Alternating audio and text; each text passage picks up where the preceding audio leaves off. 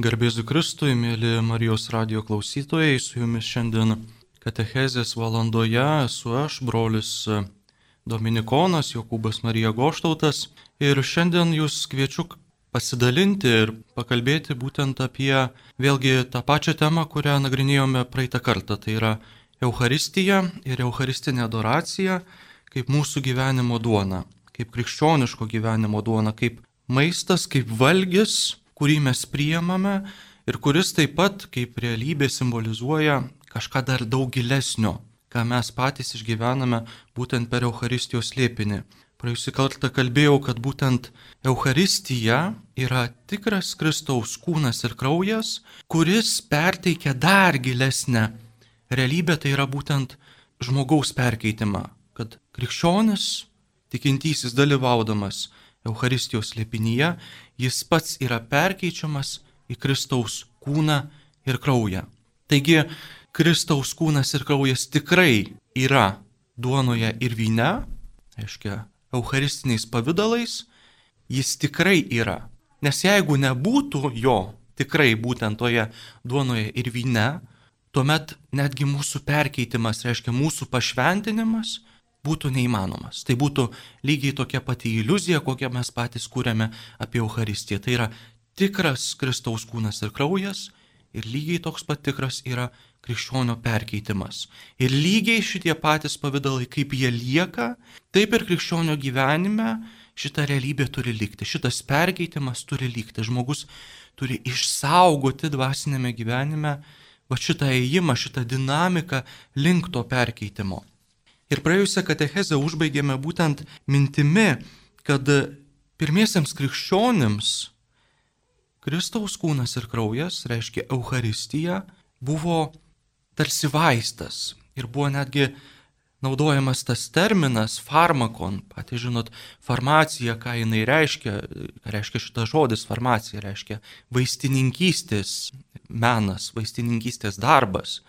Taigi ir Euharistija pirmiesiems krikščionims buvo tas farmakon, tai yra vaistas, kuris mums yra nemirtingumo vaistas.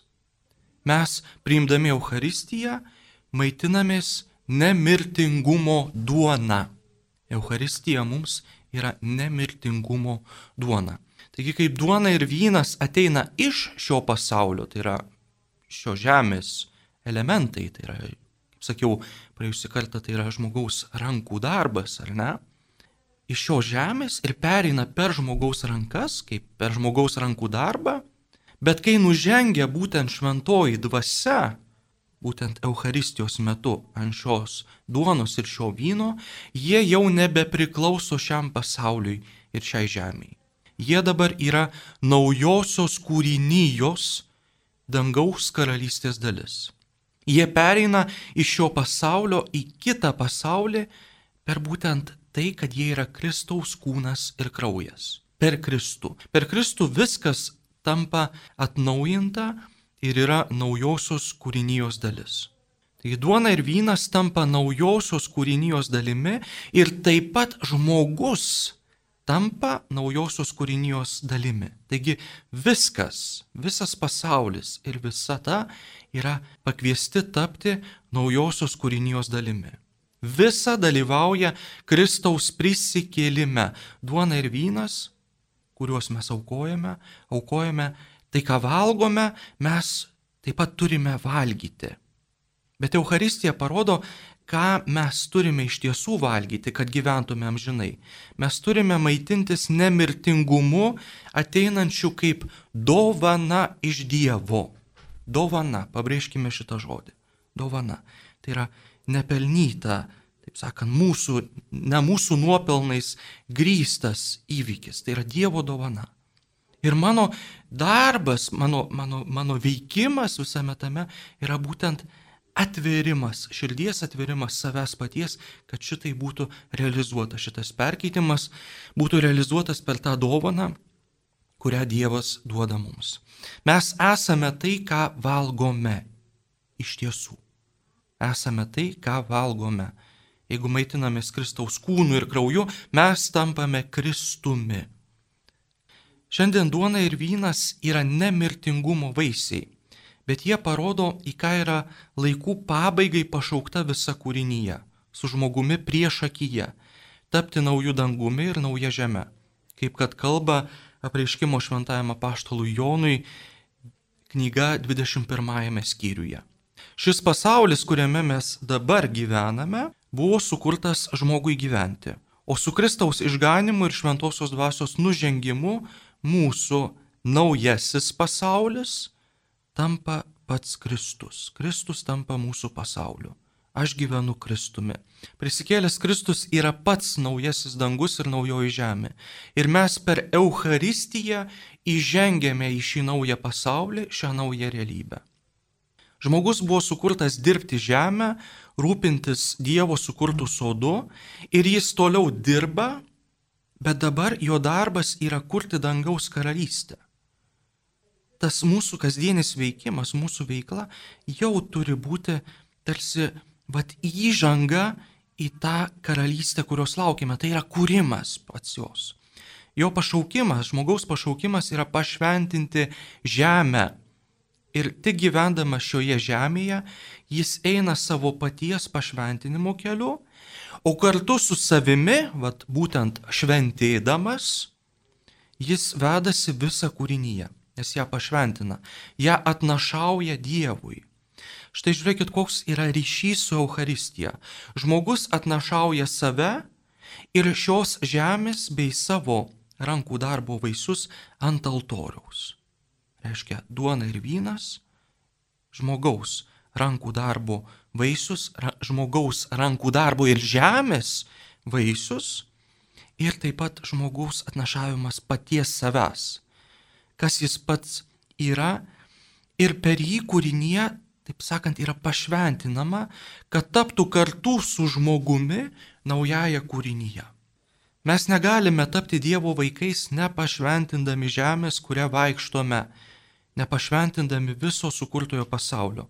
Būtent todėl apaštalas Paulius ir sako, kūrinyje su ilgesiu laukia, kada bus apreikšti Dievo vaikai. Kūrinyje su ilgesiu laukia, kada bus apreikšti Dievo vaikai.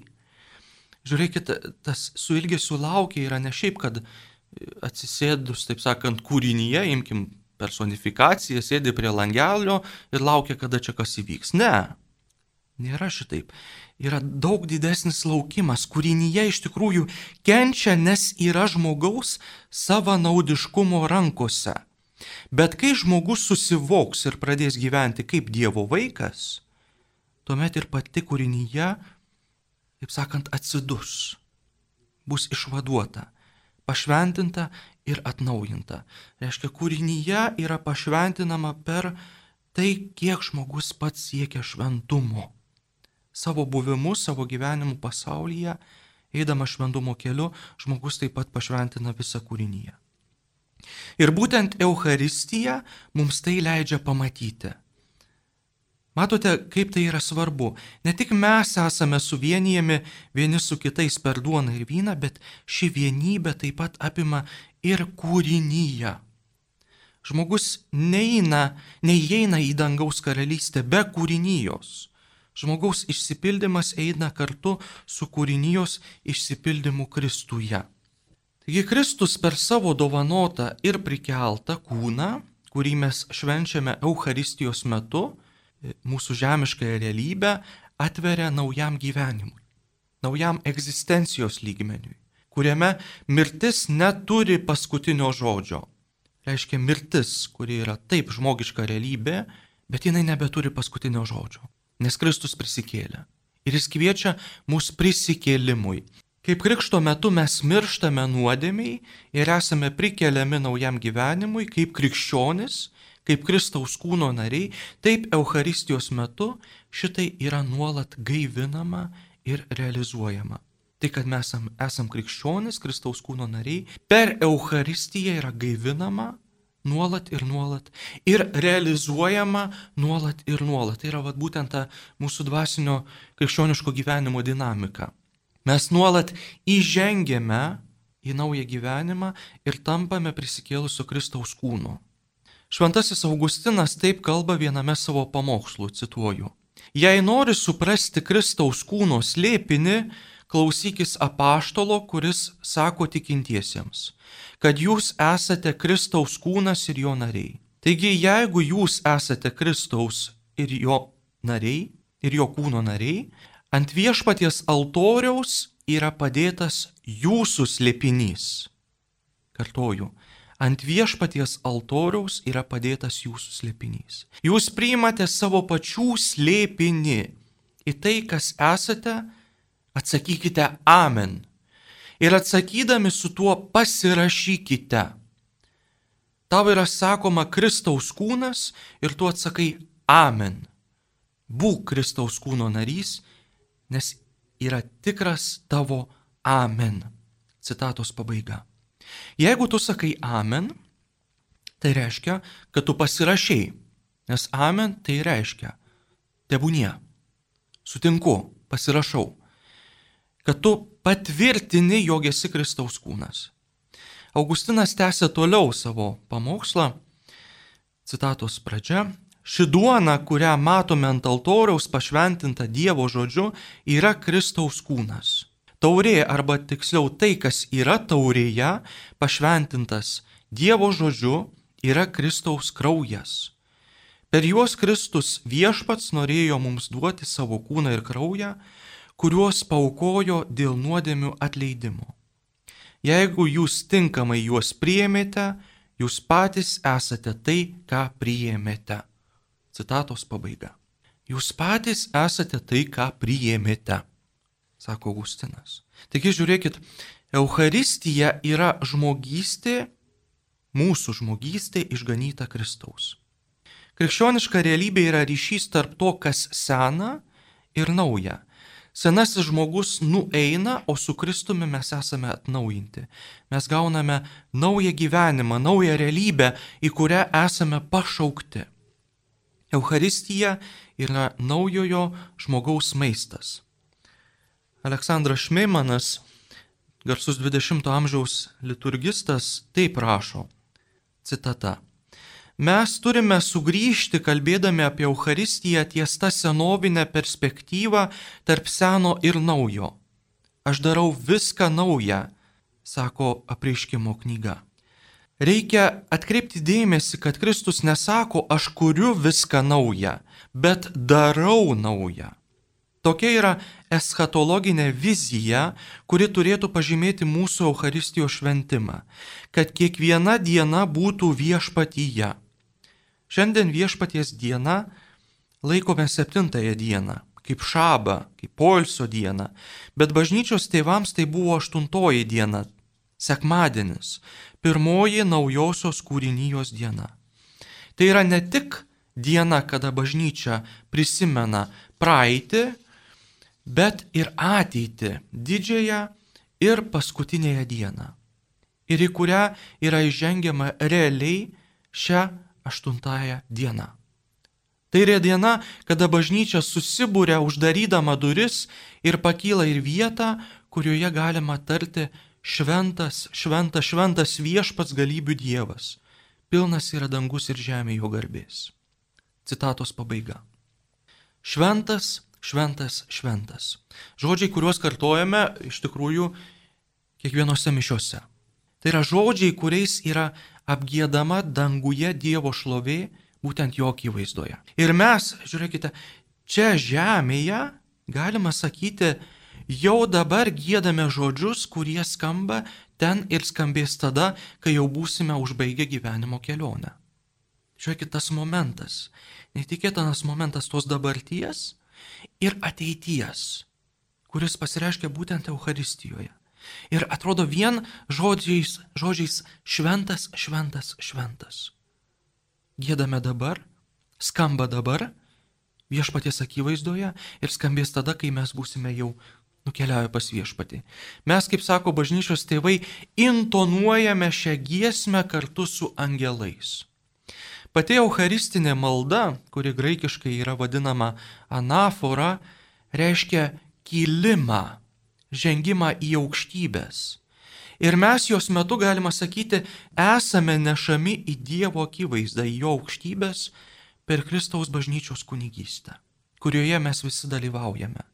Mes visi įžengėme į šventų švenčiausiąją vietą, patys būdami kunigiškoji tauta ir atstovaujami kunigo, aukojančio už mus Eucharistinę auką ant altoriaus. Eucharistinės maldos pabaigoje, kai yra iškeliami duona ir taurė su vynu ir yra tariami žodžiai per jį su juo ir jame, mes esame atėję į Eucharistinės maldos viršūnę.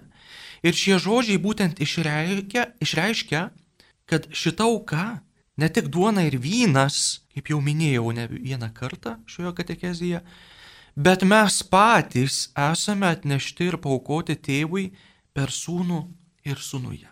Ne todėl, kad mes esame šaunuoliai ir atėjome iki čia, nubėgom maratoną, pasiekėme, taip sakant, savo užduoties tikslą, bet todėl, kad esame pakelti, pakelti iki Dievo tėvo akivaizdos. Šventojo Bazilijaus liturgijos, kuri dar ir šiandien yra naudojama rytų bažnyčiose, Eucharistinėje maldoje yra vadinama dviguba epiklezė. Tai yra dvigubas kreipimasis į šventąją dvasę, kuri labai aiškiai parodo šį Eucharistinės maldos charakterį. Kas vyksta su mumis duonai ir vynui tampat Kristaus kūnu ir krauju. Cituoju iš Bazilijaus liturgijos. Dėl to švenčiausiasis valdove, ir mes nusidėjėliai ir neverti tarnai, kuriuos tu padarėjai vertus švesti liturgiją ant tavo šventojo altoriaus, ne dėl mūsų teisumo nuopelnų. Iš tiesų mes nepadarėme nieko gero šioje žemėje, bet dėl tavo gailestingumo ir atjautos, kurią tu su kaupu išliejant mūsų, mes tikėdami artinamės prie tavo švento altoriaus. Ir tavo atnešę pirmienas šventojo Kristaus kūno ir kraujo aukai, tave melžiame ir maldaujame šventų švenčiausiasis, kad dėl savo gerumo nužengtų tavo šventoji dvasia ant mūsų ir ant šių atnašų. Ir tegul jas palaimina ir pašventina, ir te parodo šią duoną kaip brangiausiai kūną mūsų viešpaties ir Dievo, ir mūsų išganytojo Jėzaus Kristaus, ir šią taurę kaip brangiausiai kraują viešpaties ir Dievo, ir mūsų išganytojo Jėzaus Kristaus, kuris buvo išlietas dėl pasaulio gyvybės, ir mus visus, kurie dalyvaujame vienoje duonoje ir viename, vienoje taurėje, te padaro vieną vieni kitiems vienos šventosios dvasios bendrystėje. Citatos pabaiga. Labai sudėtingas tekstas, iš tikrųjų labai turtingas tekstas savo turiniu, bet į ką norėčiau atkreipti dėmesį. Šioje vienoje maldoje yra paaiškinama viskas, kas įvyksta Euharistijos metu. Viena dvasia veikia visame kame, viena šventoji dvasia veikia visame kame. Bet esminis žodis yra te parodo, kas reiškia tegul atskleidžia tegul padaro matomu. Duona tampa kūnu, vynas tampa krauju, mes taip pat per tai tampame viena Kristuje. Taigi bažnyčia, kaip Eucharistinė bendruomenė, turi šiame pasaulyje pašaukimą parodyti. Bažnyčia, kaip Eucharistinė bendruomenė, turi šiame pasaulyje pašaukimą parodyti, atskleisti, padaryti matomą naująją žmogystę kur yra Kristaus žmogystės dalis. Nes mano žmogystė tapo Kristaus žmogyste. Mes liudijame ne save, bet įsūnystę Dieve, kad esame tėvo vaikai. Dėl šito mes esame pasaulyje, dėl šito mes gyvename šiame pasaulyje, toks yra mūsų pašaukimas. Mes nerandame Jėzaus lūpose žodžio apie krikščionišką įtobulumą, apie kurį taip daug kalbama ypatingai paskutiniaisiais amžiais. Tris kartus Naujajame testamente yra randamas žodis tobulumas arba tobulas. Jono Evangelijoje 17 skyriui 21-26 eilutėse yra sakoma, koks yra Eucharistijos efektas, kas yra realizuojama per Eucharistiją. Tai yra malda, kurią Kristus kreipiasi į tėvą ir sako, tegul visi bus viena kaip tu tėve manyje ir aš tavyje. Tegul ir jie bus viena mumyse, kad pasaulis įtikėtų, jog tu esi mane siuntas.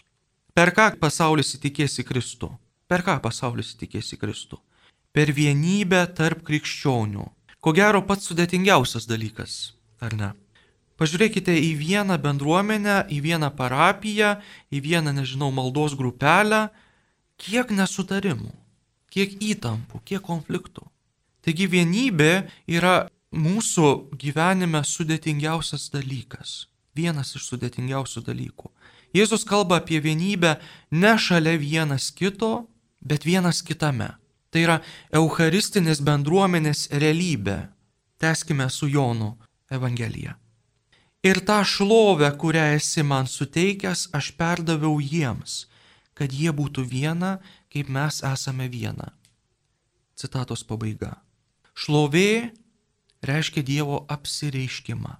Šlovė yra Dievo apsireiškimas. Dievas apsireiškia žmogui ir dabar per žmogų ir žmoguje apsireiškia Dievo šlovė. Žiūrėkit, Dievas apsireiškia žmogui savo didybę, savo garbę, savo gėriu, savo šlove, savo išganimo darbu ir dabar, kadangi žmogus gavo šią dovaną, dabar per žmogų ir žmoguje apsireiškia Dievo šlovė. Kokia šlovė? Ogi vėl ta pati vienybės šlovė. Tiesiu Jono Evangelijos citavimą aš juose ir tu manyje, kad jie pasiektų tobulą vienybę. Citatos pabaiga. Štai kur yra tikroji Euharistijos reikšmė - krikščionių vienybė. Ir toliau evangelistas Jonas rašo, paštalas Jonas rašo. Ir pasaulis pažintų, jog tu esi mane siuntęs. Pasaulis pažintų, jog tu esi mane siuntęs. Ir juos myli taip, kaip mane mylėjai. Tėve, aš noriu, kad tavo man pavestieji būtų su manimi ten, kur ir aš. Kad jie pamatytų mano šlovę, kurią esi man suteikęs, nes pamilai mane prieš pasaulio sukūrimą. Kristus nori, kad mes būtume ten, kur ir jis. Tai yra, kad mes ne tik laikų pabaigoje, tai reiškia, kalbam apie pasaulio pabaigą, apie Kristaus antrąją ateimą, ne tik, kad laikų pabaigoje būtume dangaus karalystėje, bet kad jau dabar mūsų žvilgsnis būtų kreipiamas į dangaus karalystę. Jau dabar, čia gyvenant žemėje, einant šio žemės keliais, dirbant savo darbus, gyvenant savo kasdienybę, savo rūpeščius, savo džiaugsmus, savo ašaras, savo juoką, kad viskas būtų kreipiama į dangaus karalystę. Mūsų žvilgsnis būtų kreipiamas į dangaus karalystę. Kad jau dabar dalyvautume Kristaus šlovėje ir šitą šlovę liudytume pasauliui. Neįtikėtinas dalykas. Neįtikėtinas dalykas, kad žmogus jaučia žemėje būdamas yra pakviestas būti Dievo karalystės, dangaus karalystės liudytojų žemėje, Kristaus šlovės liudytojų žemėje. Neįtikėtinas dalykas, kad pašaukimas yra tokia neįtikėtina dovana mums kaip krikščionėms, bet ir kokia sudėtinga užduotis. Neįtikėtinai sudėtinga užduotis. Ir atrodo, užtektų va tiesiog mąstyti apie tai. Bet neužtenka mąstyti, turime va būtent veikti ką veikti, kaip daryti, kiekvienas keliaujame savo pašaukimo keliu šioje žemėje. Ir kiekvienas, vad būtent toje kasdienybėje, kurioje išgyvename, nesvarbu, ką dirbtume, ką veiktume, būtume, nežinau, kunigai, vienuoliai, šeimos tėvai, šeimos motinos, broliai, sesis, įmonių darbuotojai, savanoriai. Visame kame, visame kame esame Kristaus liudytojai. Nes toks yra mūsų pašaukimas. Sudėtingas pašaukimas. Tai neįvyksta iš šiandien į rytojų, taip sakant, šiandien atlikęs išpažinti, pavyzdžiui, aš rytoj neatsikeliu šventų švenčiausiasis. Tai yra kelionė. Šventumas yra kelionė. Gerai, teskime mūsų katechezę. Taigi, kiekvienas krikščionis yra pašauktas būtent kreipti žvilgsnį į dangaus karalystę, kad jau dabar dalyvautume jo šlovėje, Kristaus šlovėje ir liudytume pasauliui. Toliau evangelistas Jonas rašo, perteikdamas Jėzaus maldą. teisingasis tėve, pasaulis tavęs nepažino, o aš tave pažinau. Ir šitie pažino, jog tu mane atsiuntėjai. Aš pagarsinau tavo vardą ir dar garsinsiu, kad meilė, kurią mane pamilai, būtų juose ir aš būčiau juose. Krikščionise yra, žiūrėkit, kažkas fundamentalaus, pamatinio. Kas tai yra? Ogi meilė, kurią tėvas myli sūnų ir kuri gyvena tikinčiuosiuose. Kaip svarbu, kad Kristus būtų mūsų gyvenimo centre, kad būtume Kristuje savo gyvenimu ir savo veikimu pasaulyje. Tai yra taip svarbu, kad Paulius daugiau nei 90 kartų savo laiškuose naudoja išsireiškimą Kristuje. Kristuje. Graikiškai en Kristo. Reiškia, būtent mūsų veikimas pasaulyje yra Kristuje.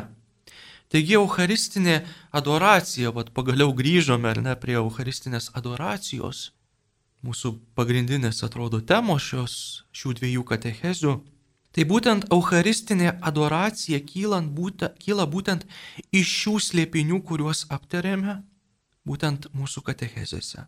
Ji yra vienybės vieta. Eucharistinė adoracija, kaip ir pati Eucharistija, yra vienybės vieta tikinčiojo su Kristumi. Ne ženklas, bet vieta. Pažymėkime šitą žodį. Tai yra vieta, vienybės vieta. Vienybės vieta bažnyčioje, vienybės vieta tarp mūsų visų broliško susitaikymo vieta tarp nesutarinčių, bet tik tada, kai tampa peržengimu savo egocentriškos egzistencijos, savo noro visuomet centre laikyti savo aš. Euharistija, vad būtent, atrodo pasiekėme viršūnę būtent šitų pasidalinimų, yra mūsų individualizmo peržengimas. Šios vienybės mes mokomės Eucharistinės adoracijos metu, nes adoruojame tai, kas mus daro vieną su Kristumi, su tėvu, kaip jo vaikams. Ir vieni taip pat su kitais bei visa kūrinyje. Tai yra vienybė ženklas. Su Kristumi, su tėvu, kurio vaikai esame, vieni su kitais bei visa kūrinyje. Adoracija yra tai, ką sako prieškimas apaštalui Jonui. Citatos pradžia. Ketvirtos skyriaus 10-11 eilutės. 24 vyresnieji parpuldavo prieš sėdintį į sostę, pagarbindavo gyvąjį per amžius ir numesdavo savo vainikus priešai sostą, kartodami, vertas esi mūsų viešpatį ir Dievę priimti šlovę, pagarbą ir galybę, nes tu visą sukūrei, tavo valia visa yra ir buvo sukurta. Raktiniai žodžiai čia yra būtent numesdavo savo vainikus. Numesdavo savo vainikus. Adoracija reiškia savęs pačių peržengimą, savo individualizmo ir egocentrizmo vainikus. Mes peržengėme savo individualizmo ir egocentrizmo vainikus. Aš jau nebesu visa ko epicentras. Aš išeinu iš savęs. Tai yra bendrystės triumfas, vienybės triumfas. Tai yra perėjimas iš daug, daug visų individualistų ir egocentristų į vieną vienybė. Mes esame viena Kristuje. Mes pereiname iš daug į vieną per laisvę ir meilę šventojoje dvasioje. Laisvėje, nes meilė yra dovanojama laisvai, kaip kad sūnus paukojo savo gyvybę iš meilės dėl mūsų savo tėvui, kurį myli ir kuris myli. Adoracijoje nesu aš ir mano Jėzus. Nesu aš ir mano Jėzus, bet mes ir mūsų Jėzus. Nes mes esame bažnyčia. Nes mes, jeigu tikrai su tikėjimu priimame Kristaus kūną ir kraują, kaip meilės ir vienybės dovana su juo, per jį ir jame, tuomet esame vienas kito dalis ir vieni kituose. Mūsų vienintelis gyvenimo epicentras nuo šiol esame ne mes, ne mes patys, bet yra Kristus. Prisikėlimo viešpats. Mes mokomės gyventi ir veikti pasaulyje Jėzaus būdu. Taip mes gyvename čia žemėje. Tai reiškia, kad tapę krikščionimis arba pradėjti šventumo keliu mes tarsi esame išmetami iš šio pasaulio. Ne, mes gyvename šiame pasaulyje. Bet mes mokomės gyventi ir veikti pasaulyje Jėzaus būdu. O koks yra Jėzaus būdas? O čia yra rimtas klausimas. Jėzaus būdas gyventi yra savęs dovanojimas ir pasiaukojimas. Mes mokomės gyventi ir veikti savęs dovanojimo ir pasiaukojimo būdu, kuris yra Jėzaus būdas. Ir tai yra tikrasis adoracijos centras.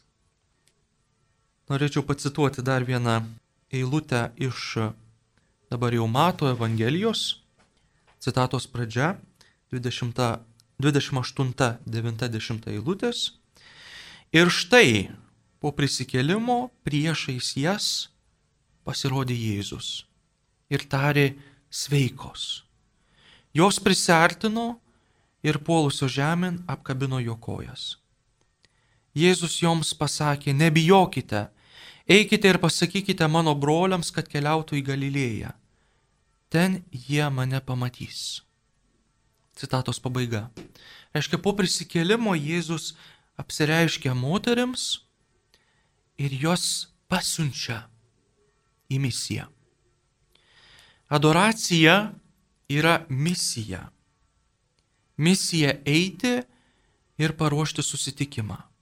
Tai, ką mes kontempliuojame adoracijos metu, reiškia žvelgdami į Kristų, Eucharistijos metu, monstrancijoje, Tai yra mūsų ruošia eiti į misiją. Jis pati yra misija. Eiti ir paruošti susitikimą. Kur? Kur susitikimas? Galilėjoje, kur yra, kur yra būtent kasdienio gyvenimo įvaizdis. Galilėja yra kasdienio mūsų gyvenimo įvaizdis. Mes esame siunčiami į misiją paruošti pasaulio kasdienybėje tame, ką žmogus gyvena savo kasdienybėje, susitikimą su prisikėlusiuoju. Vat, kokia misija. Paruošti pasaulio kasdienybėje susitikimą su Kristumi, su prisikėlusiuoju.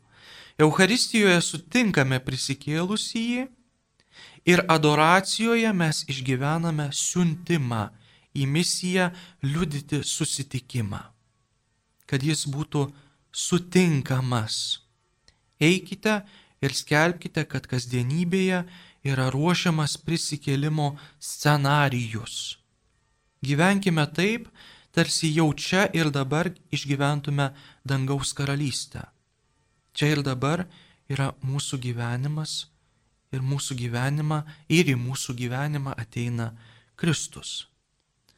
Taigi, brangieji, užbaigsime šios dienos katechezę tiesiog pagrindiniai punktai, kuriuos galbūt reikėtų prisiminti, tai būtent, kad Euharistija yra perkeitimas.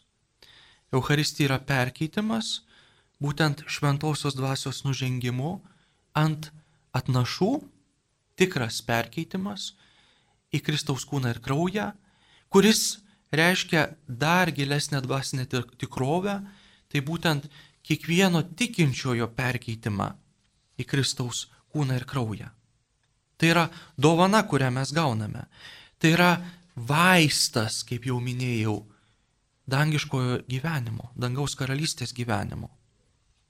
Ir visa tai neužsibaigia tiesiog tuo perkeitimu, bet tai taip pat tampa ir misija.